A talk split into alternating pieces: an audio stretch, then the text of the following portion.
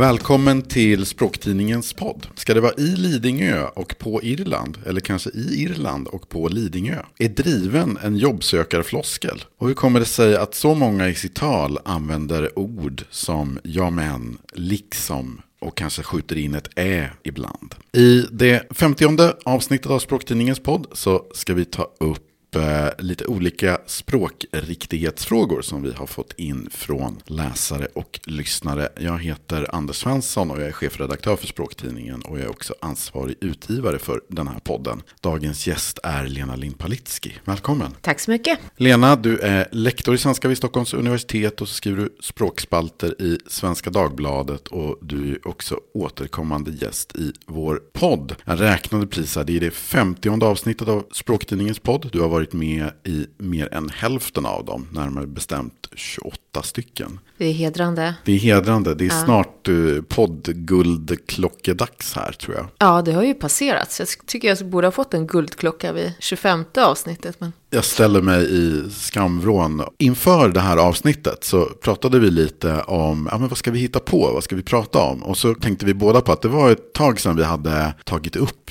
ja, men språkfrågor från läsare och lyssnare. Sådana här som är anmälningar till vignetten Språkpolisen som finns på Språktidningens webb. Det här med att ta upp och diskutera frågor som kommer in från allmänheten. Vad tycker du är roligt med det? Nej, men det är ju roligt att svara på de frågor som kommer in, för det är ju det som folk undrar om när det gäller språk. Sen kan man ju ibland som språkvetare tänka att, att det är samma typ av frågor som kommer in och tänka att det här har vi väl svarat på många gånger. Men eh, det kommer ju liksom nya generationer som intresserar sig för språk och eh, människor som aldrig har tänkt på en språkfråga tänker på just den just nu. Och det är ju ändå väldigt glädjande, för det speglar ju det här intresset för språk som finns. Vi börjar med en ganska ganska klassisk språkriktighetsfråga ändå. Det är, först är det Helen som skriver. Jag har noterat att man oftare använder sin och hans snedstreck hennes på fel sätt. Varför förstår man inte skillnaden? Det blir ju helt fel syftning tycker hon. Och så skriver hon så här. Han fick en present av sin mamma. Han fick en present av hans mamma. Vems? Ska det vara så svårt? Och så har vi Lasse som har tittat på Bäst i test i SVT. Har hittat det här exemplet. Ge David sin pizza. Vad menas med sin? Din eller hans? undrar Lasse. Ja, Lena, det här med sin, hans och hennes. Det är ju en ganska vanlig språkriktighetsfråga. Och det är också ganska ganska vanligt skulle jag säga att man ser att man, eller man anar att skribenten syftar på fel person. Delar du den känslan? Att det är en väldigt omdiskuterad språkfråga, det uppfattar jag också. Men anledningen till att den är så omdiskuterad, det är ju för att det är en genuint svår fråga. Det här är ju någonting som människor har gjort fel på i antagligen flera hundra år. Det är liksom en genuint svår fråga och det är inte alltid självklart vilket det ska vara. Det finns ju en grundregel som säger att om du syftar tillbaka på subjektet så ska det vara sin. Han fick en present av sin mamma är ju det korrekta i Helens fråga. Och det är en väldigt enkel mening och då är det ganska lätt att göra rätt. De flesta gör också rätt i den typen av enkla meningar och tillrättalagda meningar. Men så fort det börjar bli lite mer komplicerade meningar eller subjektet står ganska långt ifrån det här sin eller hans, då blir det genast lite knivigare. Och det finns också en massa fall där det faktiskt går bra med både och. Så att det är en svår fråga. Det finns en grundregel. Det finns också också massor av undantag. Folk har gjort fel på det här jättelänge, är väl sammanfattningen. Om man tycker att det här är då lite knepigt, är det en bra regel då att försöka tänka på vad är subjektet? Det är det ju, och om det här syftar tillbaka till subjektet. Sen är ju det en grammatisk analys som är ganska lätt att göra om man är bevandrad i grammatik. Men det är ju inte alla människor. Så det krävs en typ av grammatisk analys. Och sen har man ju också det här i sin språkkänsla. Man hör ofta vad som är det rätta. Många människor har inte den här intuitionen i sin språkkänsla. Och då blir det ju oftare fel eller man blir tveksam. Så har vi Kerstin som skriver. Jag fick lära mig om att det var en ö, så sa man på till exempel på Irland, på Gotland med mera. Nu säger en del i Lidingö. Man tycker ju att de som jobbar på nyheterna borde kunna svensk grammatik. Instämmer du i Kerstins kritik här mot vad som jag antar är någon nyhetsredaktion i radio eller tv kanske? Alltså om man säger i Lidingö eller på Lidingö, det beror ju på om man menar ön Lidingö. Det stämmer ju att det är en ö och då brukar vi oftast säga på. Men om man säger i Lidingö, då kan man ju till exempel tänka att det är i Lidingö kommun. Och då säger vi ju i. Vi säger inte på en kommun. Och Lidingö är ju också en egen kommun så att då är det fullt rimligt att säga på det sättet. Och det här valet mellan i och på, det är ju inte helt självklart. Vi säger ju i Japan till exempel, trots att Japan är ett örike. Vi säger i Australien. Så att det finns ju massor av undantag. Och ofta beror ju det på att vi använder på när det är öar, men vi säger i om nationer. Och om öarna och nationerna är samma så kan det liksom skifta beroende på vad man syftar på. När jag tidigare bodde på Island så fick jag ju just frågan just, ja, ska det vara i eller på Island? Och då fick man väl ge ungefär det svaret att om du pratar om Island i största allmänhet så går det i regel alldeles utmärkt att säga på. Men i vissa sammanhang, du kan tala om statsskick riket i Island till exempel, för då talar du om Island som nation. Nästa anmälan den kommer från Filip. Han skriver så här. Största jobbsökarflosken just nu,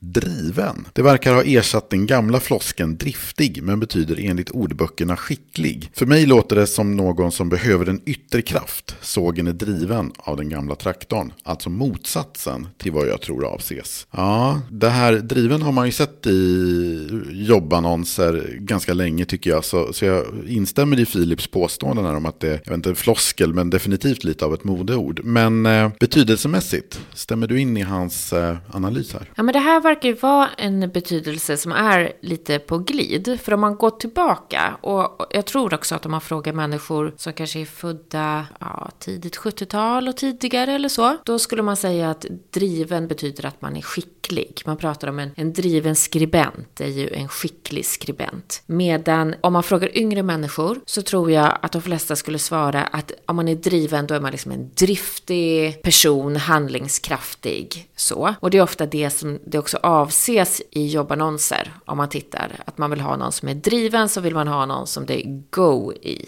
Och båda de här betydelserna finns ju parallellt. De har ju också lite överlappande betydelse. Men jag tror att det är en betydelseglidning som har skett de senaste åren. Den här frågan den handlar om sånt som dyker upp när personer lyssnar på radio eller tittar på tv. Först har vi Lars Gunnar som skriver. Det har blivit en veritabel epidemi på senare år att nästan alla som intervjuas i etermedia när de får en fråga inleder svaret med jamen med variationerna jo men eller nämen. Hur kan en sån ovana få en sån explosionsartad spridning? Så har vi Bengt som skriver Hörde nyss i radio om en föreslagen domreform i skriven text. Dom istället för de och dem då. Onödigt utarmande av språket tycker jag. Det vore angelägnare med en så att säga-reform i det talade språket. Sluta att omotiverat använda detta uttryck i tid och otid som utfyllande i nästan varje mening. Utan att det betyder något. Nästa person som eh, har irriterat sig på språket i radio och tv det är Rolf. Det har liksom blivit vanligt att personer som intervjuas i radio eller tv överanvänder ordet liksom. Särskilt störande är detta när kulturpersoner som författare eller skådespelare ägnar sig åt missbruket. Den vars yrkesroll är att kunna formulera sig på ett genomtänkt sätt borde skärpa sig både i trevlighetsinriktade soffprogram och seriösa intervjusituationer. Ja, det var liksom det jag ville anmäla. Sen så har vi Yvonne. Jag irriterar mig otroligt på att många nu för tiden lägger in ett bräkande ä mellan orden när de pratar. Varifrån kommer detta språkbruk? Varför bräker man? Om vi börjar där Lena, varför bräker man? Om det är nu det vi ska kalla det för.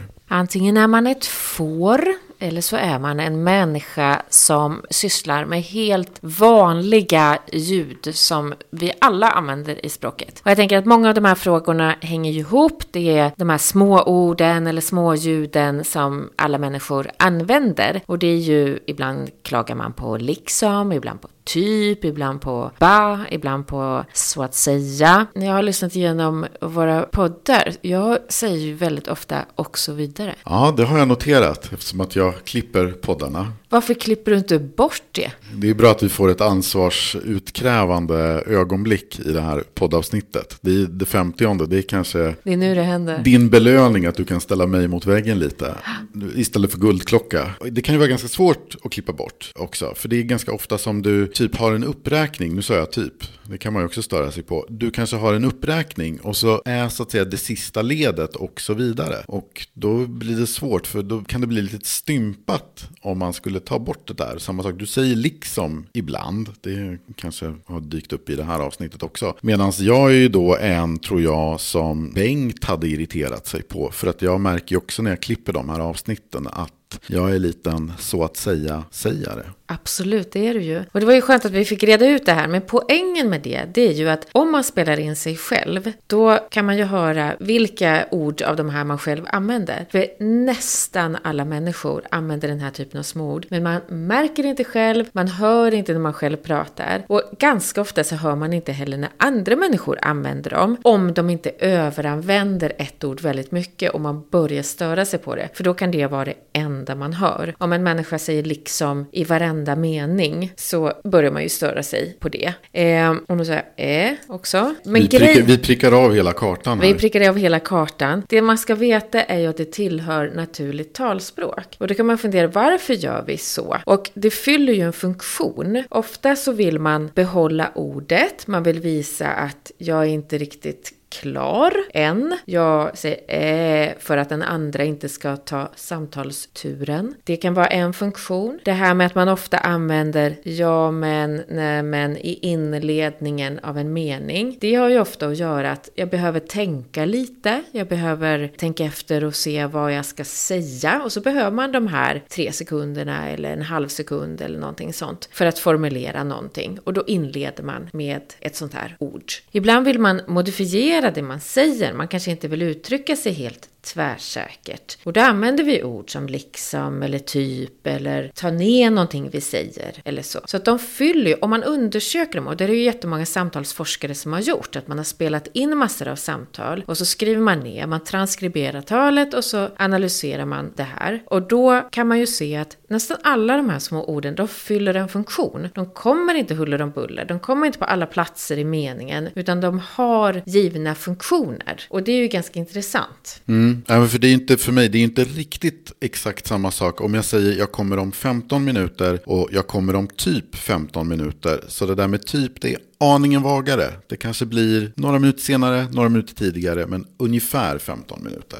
Absolut, och då fyller du en funktion, för du vill uttrycka det lite vagt, vilket man ganska ofta vill. Det är väl också så att det här är typiskt för det improviserade talet. För som när vi sitter här och poddar så har ju inte vi ett manus som vi eh, läser ifrån. Hade vi stått här och hållit ett föredrag eller läst ur ett manus, då hade det nog låtit lite annorlunda. Då hade det säkerligen blivit betydligt färre diskurspartiklar. Visst är det så? Absolut, så är det ju. Och ju mer oplanerat tal det är, desto mer tvekljud, pauser, eh, ö, ljud har vi. Och så är det för alla människor. Och jag tänker att en del säger så här, det här har ökat lavinartat i radio och så vidare. Om det nu har gjort det, jag vet inte ens om det stämmer, men om det är så att det har ökat så beror ju det snarast på att man har mer oplanerat tal i radio där man inte har så mycket manus, där man kanske tidigare hade det är ett väldigt skriftspråksnära manus. Och då beror det på det, för att allt oplanerat tal innehåller de här ingredienserna. Och så kan man kanske också tänka sig att vi hör också fler som inte är så vana att tala. Det är oftare vanliga personer som får på något sätt uttrycka sina åsikter eller medverka i program på något sätt. Det är inte bara politiker som har väl inövade talepunkter som vi hör, utan det kan vara lite vem som helst. Ja, har bara hört en enda person som har talat oplanerat tal och inte haft en enda diskurspartikel och pratat i fullständiga meningar. Du vet, det här har jag berättat för dig tror jag. För du Ja, det är Horace Engdahl. Exakt.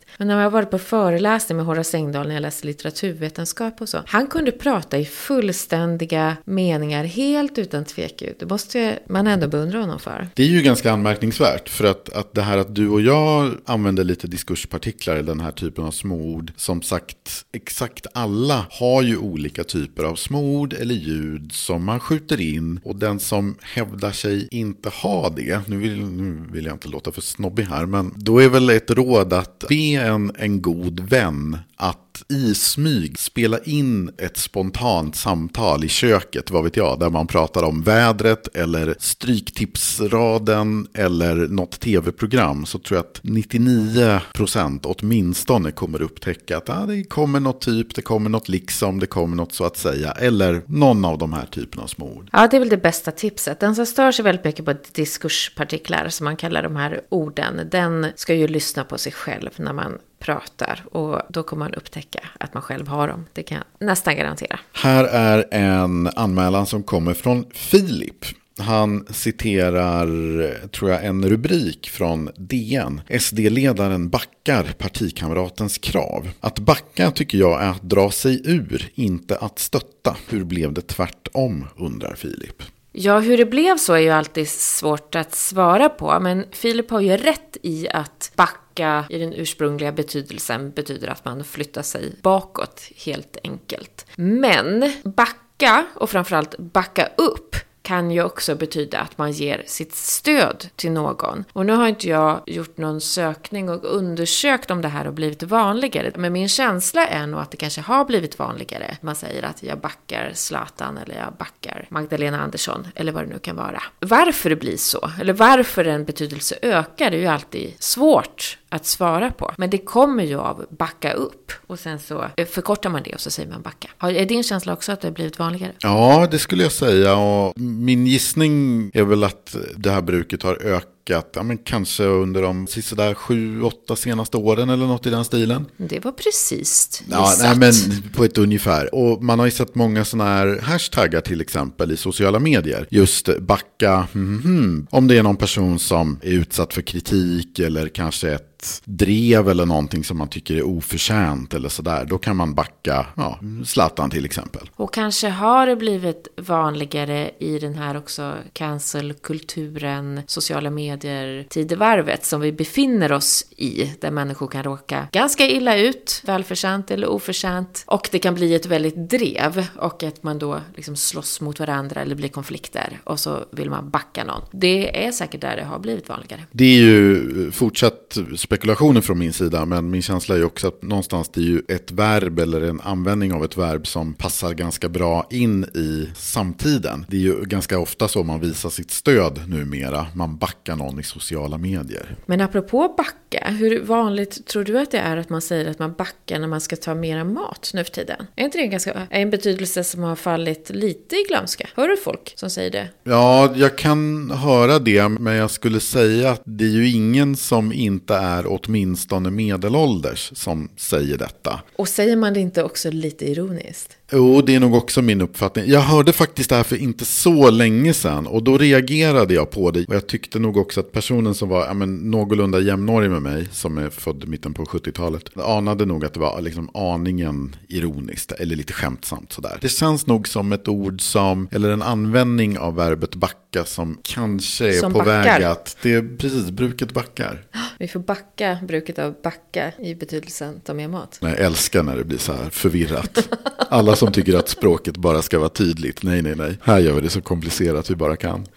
Ja. Så har vi Marianne som skriver. Stör mig på ordet addera som används i många olika sammanhang. Exempelvis addera socker med mera. För mig är addera en matematisk term. Har jag fel? Vad tycker du? Håller du med Marianne? Nej, men addera används ju både i fackspråket och allmänspråket. Det är ju absolut en matematisk term med en precis betydelse. Men om man slår upp ordet addera i till exempel svensk ordbok så finns ju den här mer bildliga betydelsen också upptagen. Ett exempel från Svensk ordbok är att ytterligare motgångar adderades till de tidigare. Där är det ju att den bara lades till, det lades på hög. Men när det gäller till exempel det här med addera socker om det står i ett recept. Det är ju inte riktigt en bildlig betydelse. Där kan man ju fundera på om det är ett översättningslån, att man har tagit ifrån engelskan add some sugar och att det kanske man inte riktigt skulle skriva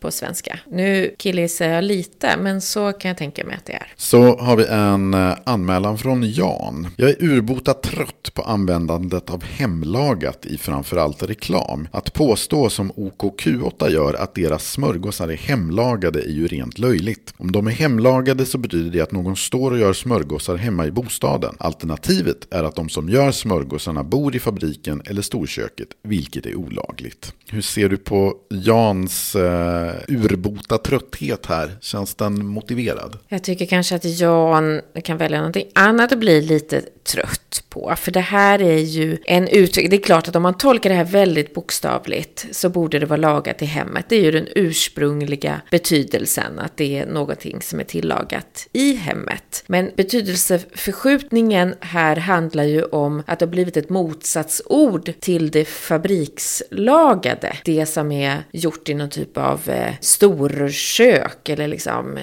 så. Om man nu står och gör sitt eget potatismos på OKQ8, det vet jag ju inte om de gör, eller deras smörgåsar. Om de gör degen där och de bakar i sin egen ugn och så vidare, då är ju det en motsats till det här fabrikslagade. Och det är ju i den betydelsen som det används idag. Hemlagad är belagt sedan 1852 och jag tänker också att det här kanske kom lite när man behövde ett motsatsord när liksom industrialiseringen kom och saker började bli mer tillagade i industrierna. Innan dess så behövde man ju inte det här ordet för det var ju allt hemlagat. Ja, nu lyfter man ju gärna fram just att vårt potatismos eller våra mackor mackor är hemlagade eller just man vill visa att vi gör dem här på stället. De kommer inte från någon leverantör långt bort utan det finns någon slags hantverk i det hela. Det är ju också olika hur fint det anses med hemlagat. När jag var liten då önskade jag mig köpelimpa i födelsedagspresent. Det var liksom det fina. Det var ju man... drömmen. Ja, det var ju drömmen. En Skogaholmslimpa ville jag ha i födelsedagspresent. Nej, jag fick också bara hemlagat eller hembakat bröd och var allt annat än nöjd med detta. Ja, se hur, sen, vi, sen... se hur det gick med oss. Sen så låter väl Jans anmälan här, den låter ju också tycker jag nästan som ett eko av någon sån här Hassan-busringning kanske från 90-talet. Om jag minns rätt så är det, jag tror att det är Christian Lok som ringer till något gatukök och ställer just frågan, är moset hemlagat? Och så säger de, ja det är det. Jaha, undrar han, hur transporterar ni det då från hemmet till kiosken? Exakt. Och det bevisar väl då att man ganska länge har kunnat driva med, man känner så att säga till den här överförda betydelsen. Men här väljer ju då Christian Lok att göra den här medvetet väldigt bokstavliga tolkningen av ordet. Och då kan det förstås bli lite roligt. En del driver ju lite med det här och istället för hemlagat så kan man ju ibland se att de skriver att det är härlagat till exempel. Precis, härlagat ser man ju en hel del. Och då undrar man ju just om de har fått sådana här Christian Lok-typer som kanske har ringt och varit ironisk eller någonting. Exakt, de har fått sina gliringar. Det här Jan är inne på, ja men det handlar väl lite om synen om språklig logik. Och nästa anmälan den kommer från en som heter Göran. Och det är väl på ett sätt lite samma tema tycker jag. Han skriver så här. Varför tycks de flesta bilister anse sig byta däck vår och höst? Få kränger väl av däcken från fälgen varje säsong. Däck byts när de är slitna. Julskifte